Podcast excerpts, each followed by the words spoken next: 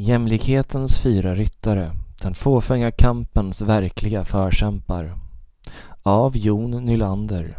Publicerad 24 april 2018. Alla ska vi sjunga jämlikhetens lov.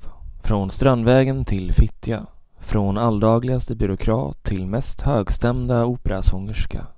Från DN-krönikör till standup-charmör. Från villakvarter till ort. Dag som natt, från fur till gran, i byn och på stan.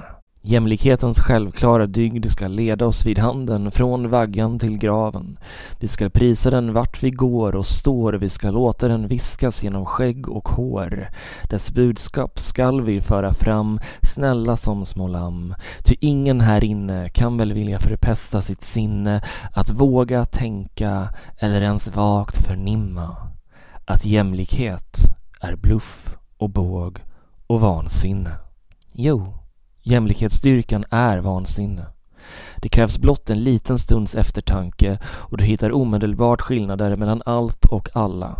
Välj ett mänskligt attribut och jag ska visa dig att inte en enda person är den andra lik. Allting är olikt och ojämlikt. Människor är inte det enda som är oändligt kategoriserbart och olikt. Ojämlikhet är en naturlag, alltid. In perpetuum et unum diem. Ja, jämlikhetsstyrkan är vansinne. Men det kan ändå vara värt att tänka på. Visa mig den välbärgade person som flanerar gatan fram och möter tiggare på rad och stilla tänker att vad bra att vi har det så olika. Olikheter är ju trots allt en naturlag. Det är så som Gud ämnade. Den personen är sällsynt, tack och lov. Det krävs blindhet eller att man är förstörd av bitterhet och harm för att nöja sig med att det är en naturlag när ens medmänniskor har en usel tillvaro. Vi måste inte hjälpa naturen på traven. I sin bok The Great Leveler, Violence and the History of Inequality from the Stone Age to the 21st Century gör Walter Scheidel en resa genom mänsklighetens till synes oändliga landskap av materiella ojämlikheter. Hans slutsatser är ingalunda förvånande för studenter av den österrikiska skolan eller ens för någon med sunt förnuft. Kuriosa, Scheidel är av österrikisk börd. Det enda botemedel mot ojämlikhet som Scheidel lyckas hitta under sin långa exposé är vad han kallar jämlikhetens fyra ryttare. Dessa fyra ryttare har en enda sak gemensamt. Det är personifieringar av det mest absoluta våld som människan kan åstadkomma och de värsta naturkatastrofer som vår väna Moder Jord kan släppa lös på oss. Föga förvånande uppnås mest jämlikhet om ryttarna beslutar sig för att samarbeta och rida an tillsammans. Jämlikhetens fyra ryttare är enligt Scheidel 1. Massmobiliseringskrig. Se till exempel världskrigen. Den väna jämlikheten uppnås här genom allomfattande förstörelse, vilket märks mest för det som äger det som förstörs. Utökad statlig konfiskering, vilket märks mest för det som äger det som konfiskeras. Mobilisering av enorma mängder arbetskraft i krigets tjänst, vilket ger arbetskraften ett relativt större marknadsinflytande eftersom en större andel av männen dessutom tas upp i militär verksamhet erbjuds också nya avenyer framåt för traditionellt outnyttjad arbetskraft, såsom kvinnor. Mobilisering av kapital i krigets tjänst, konfiskering light. Genom krigssocialism bestäms vad som ska produceras, i vilka mängder och till vilka marginaler. Samt mobilisering av besparingar. Vem du än är, hur du än har det, vill du väl ändå inte osolidariskt hamstra dina tillgångar? Guld på banken? Den gubben går inte. Såväl vinnarländerna som förlorarna åtnjuter en ökad jämlikhet i detta scenario. Ju längre, ju större och ju mer totalt kriget är, desto större den utjämnande effekten. Det visar sig också att de som var fattigast innan kriget i absoluta termer har det ännu sämre efter kriget. Utjämningseffekten består främst i att de som hade det bäst innan kriget också hade mest att förlora och också gjorde det. Smakar det så kostar det. 2. Transformativ revolution. Se till exempel Sovjet och Kina. Små revolutioner såsom slavuppror och bonderevolter åstadkommer ingenting varaktigt. Det ser vi tydligt i Scheidels redogörelse. Andra bullar blev det när Lenin, likt en levande kärnstridsspets, transporterades från Zürich till Petrograd 1917. Nu kan vi börja snacka jämlikhet. Utraderande av den landägande aristokratin samt kyrkan, check. Nationalisering av banker och industrier, check. Mord och förföljelse av aningen produktiva bönder, check. Totalitärt misstänkliggörande och ursinnig förföljelse av olikheter. Alla tecken på framgång är tecken på kapitalistisk och osolidarisk exploatering, check. Extremt ineffektiva eller helt icke-existerande marknader utraderade tack vare centralt ägande och central planering visar sig vara dåliga på att framställa överskott, någonting som trots allt krävs för att någon ska lyckas ha det bra och därmed uppnå den förhatliga ojämlikheten. Full träff. Den enda elit som kan sägas existera är den politiska eliten som nog kan tillskansa sig en och annan av de få godbitar som dyker upp, men även den lever ett extremt farligt liv. Och den där attans ojämlikheten envisas med att göra sig påmind varhelst det finns minsta lilla glipa i den socialistiska rustningen. Transformativ revolution minskar ojämlikhet genom att ta inkomst och välstånd från de som har inkomst och välstånd. Det är inte svårare än så. Som grädde på moset tar revolutionen även det mesta från de som inte har vare sig inkomst eller välstånd utan mest bara råkar kategoriseras såsom potentiella småborgare eller blir angivna. Har du en halvdöd häst? Slutade du applådera Stalin för tidigt? Nackskott för dig. Men väldigt effektiv utjämning uppnås alltså.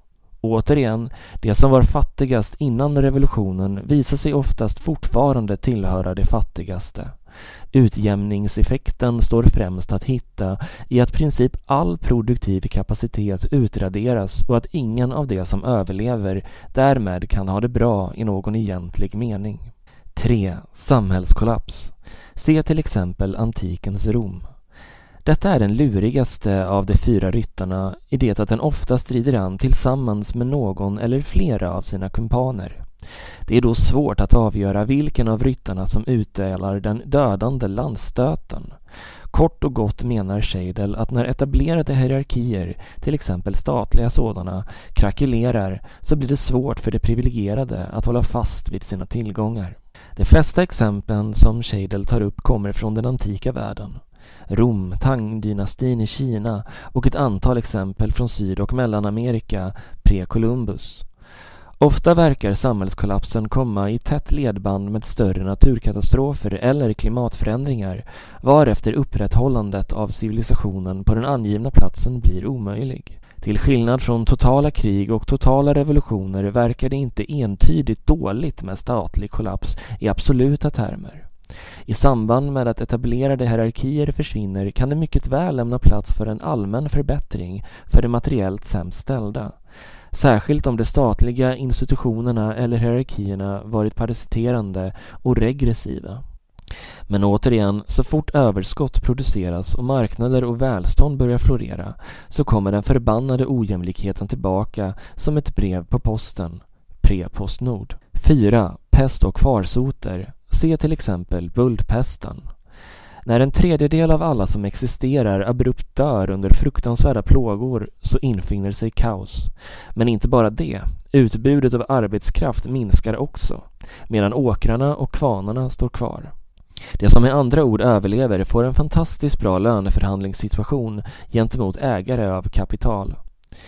Många var de institutioner och privilegierade aktörer som försökte förhindra löneförhandlingar via kyrkliga påbud eller sekulära lagar med hot om drakoniska straff. Se till exempel Statute of Labourers 1351. Men till ingen nytta. Marknadskrafterna talade och såg helt enkelt till att kompensera arbete bättre. När manufakturer och landägare fick leta med ljus och lykta efter kvalificerad arbetskraft så blev det arbetstagarens marknad. Särskilt så om pesten kom tillbaka. Vilket den, om jag inte minns fel, också gjorde under några århundraden, ungefär en gång per generation. Det är en aningen torr bok med långrandiga listningar av Gini-koefficienter, ett statistiskt mått på ojämlikhet. Men jag kan verkligen rekommendera avsnitten där han beskriver de kommunistiska revolutionerna i all deras absurda härlighet. Där når hans prosa en annan nivå, eller så beror det mest på att situationen han beskriver är så tragikomiska och grälla att man inte kan undvika att bli känslomässigt investerad. Boken innehåller inte rekommendationer. Scheidel är en empirisk observatör. Han verkar medvetet avhålla sig från analytiska förklaringsmodeller. Han letar helt enkelt efter att mäta ojämlikhet och försöker därefter notera när och varför ojämlikhetsmätningarna visar på låg ojämlikhet. Han är inte särskilt nöjd med resultatet. Det ser extremt dystert ut för de som håller jämlikheten som det mest stygdiga målet, i alla fall om man ska tillskriva dem ärligt uppsåt. Han anser alltså inte att man ska utrusta de fyra ryttarna med häst och lans och skicka iväg dem för att åstadkomma grälla våldschocker i jämlikhetens tjänst. Och boken avslutas med en ganska uppgiven samling policygenomgångar. Vad kan fungera för att åstadkomma jämlikhet? Om och om igen kommer han fram till att det tyvärr verkar som att fred och välstånd leder till just mätbar ojämlikhet och att det enda som verkar råda bot på detta är våld och misär dumma verklighet. Själv lämnas jag också med en uppgiven känsla. Boken lämnar aldrig grundpremissen att jämlikhet i sig själv skulle vara en god sak. Det är det naturligtvis inte. Jämlikhet är onaturligt. Jämlikhet är inte ett giltigt mål. Det man ska sikta på är rättvisa. Den analysen saknas helt i Scheidels bok. I alla de fall en ojämlik situation beskrivs, det vill säga hela tiden, analyseras inte i vilken utsträckning situationen är rättvis. Är de människor som är rikast också de som har tjänat sina medmänniskor bäst? Är det Steve Jobs som har mest pengar eller är det en habsburgare som enbart använt sig av parasiterande politiskt spel? Har eliten i nationen förvärvat sin rikedom på ärligt sätt utan att ställa sig i vägen för andra eller genom att söka statligt, kungligt, religiöst, kastbaserat, våldsbaserat försvar av sina vunna privilegier. Det är ojämlikt, ja visst, det är det alltid, men hur uppstod ojämlikheten? Hur ser det ut med rörligheten mellan skikten då? Inte heller detta analyserar Scheidel i någon nämnvärd utsträckning. I ett rättvist samhälle är det inte samma personer eller samma släkter som konstant åtnjuter samma fördelar eller lider av samma nackdelar. Ett rättvist samhälle och ett framgångsrikt samhälle premierar det som tjänar sina medmänniskor bäst, oavsett börd.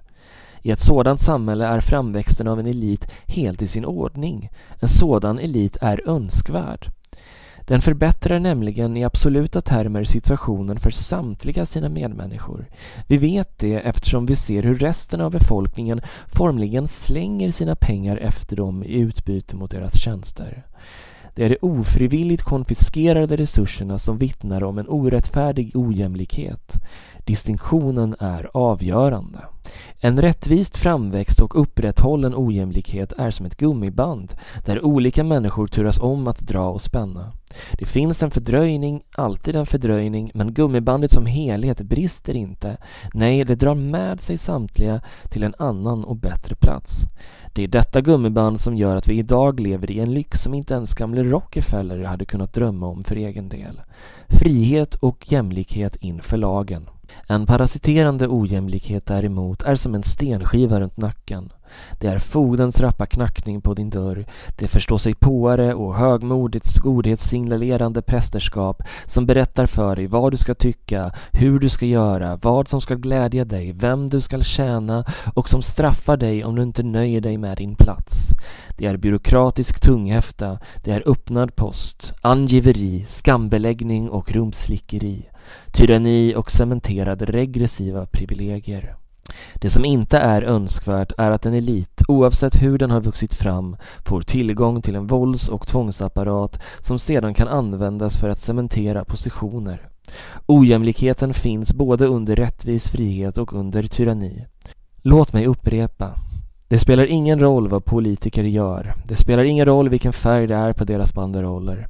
Även om det skulle lyckas genom att Gud förbjude släppa lös någon av de fyra ryttarna så kommer ojämlikheten snart nog återfödas.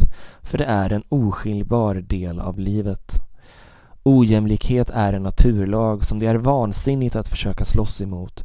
Du kan lika lite välja att ramla uppåt det kallas att hoppa och det fungerar bara under ett ansträngt ögonblick. Rättvisan däremot, den kan vi påverka. Genom våra egna moraliska val, genom att själva se till att göra vad vi kan för att inte vara till last, att se till att tjäna våra medmänniskor utan att för den skull låta oss utnyttjas, genom att inte stänga luckan efter oss när vi nått framgång, genom att bekämpa det som är orättfärdigt och genom att söka sanningen. Så som sinnesrobönen Reinhold Niebuhr 1926 lär oss Gud, ge mig sinnesro att acceptera det jag inte kan förändra, mod att förändra det jag kan och förstånd att inse skillnaden. Snälla, inse skillnaden.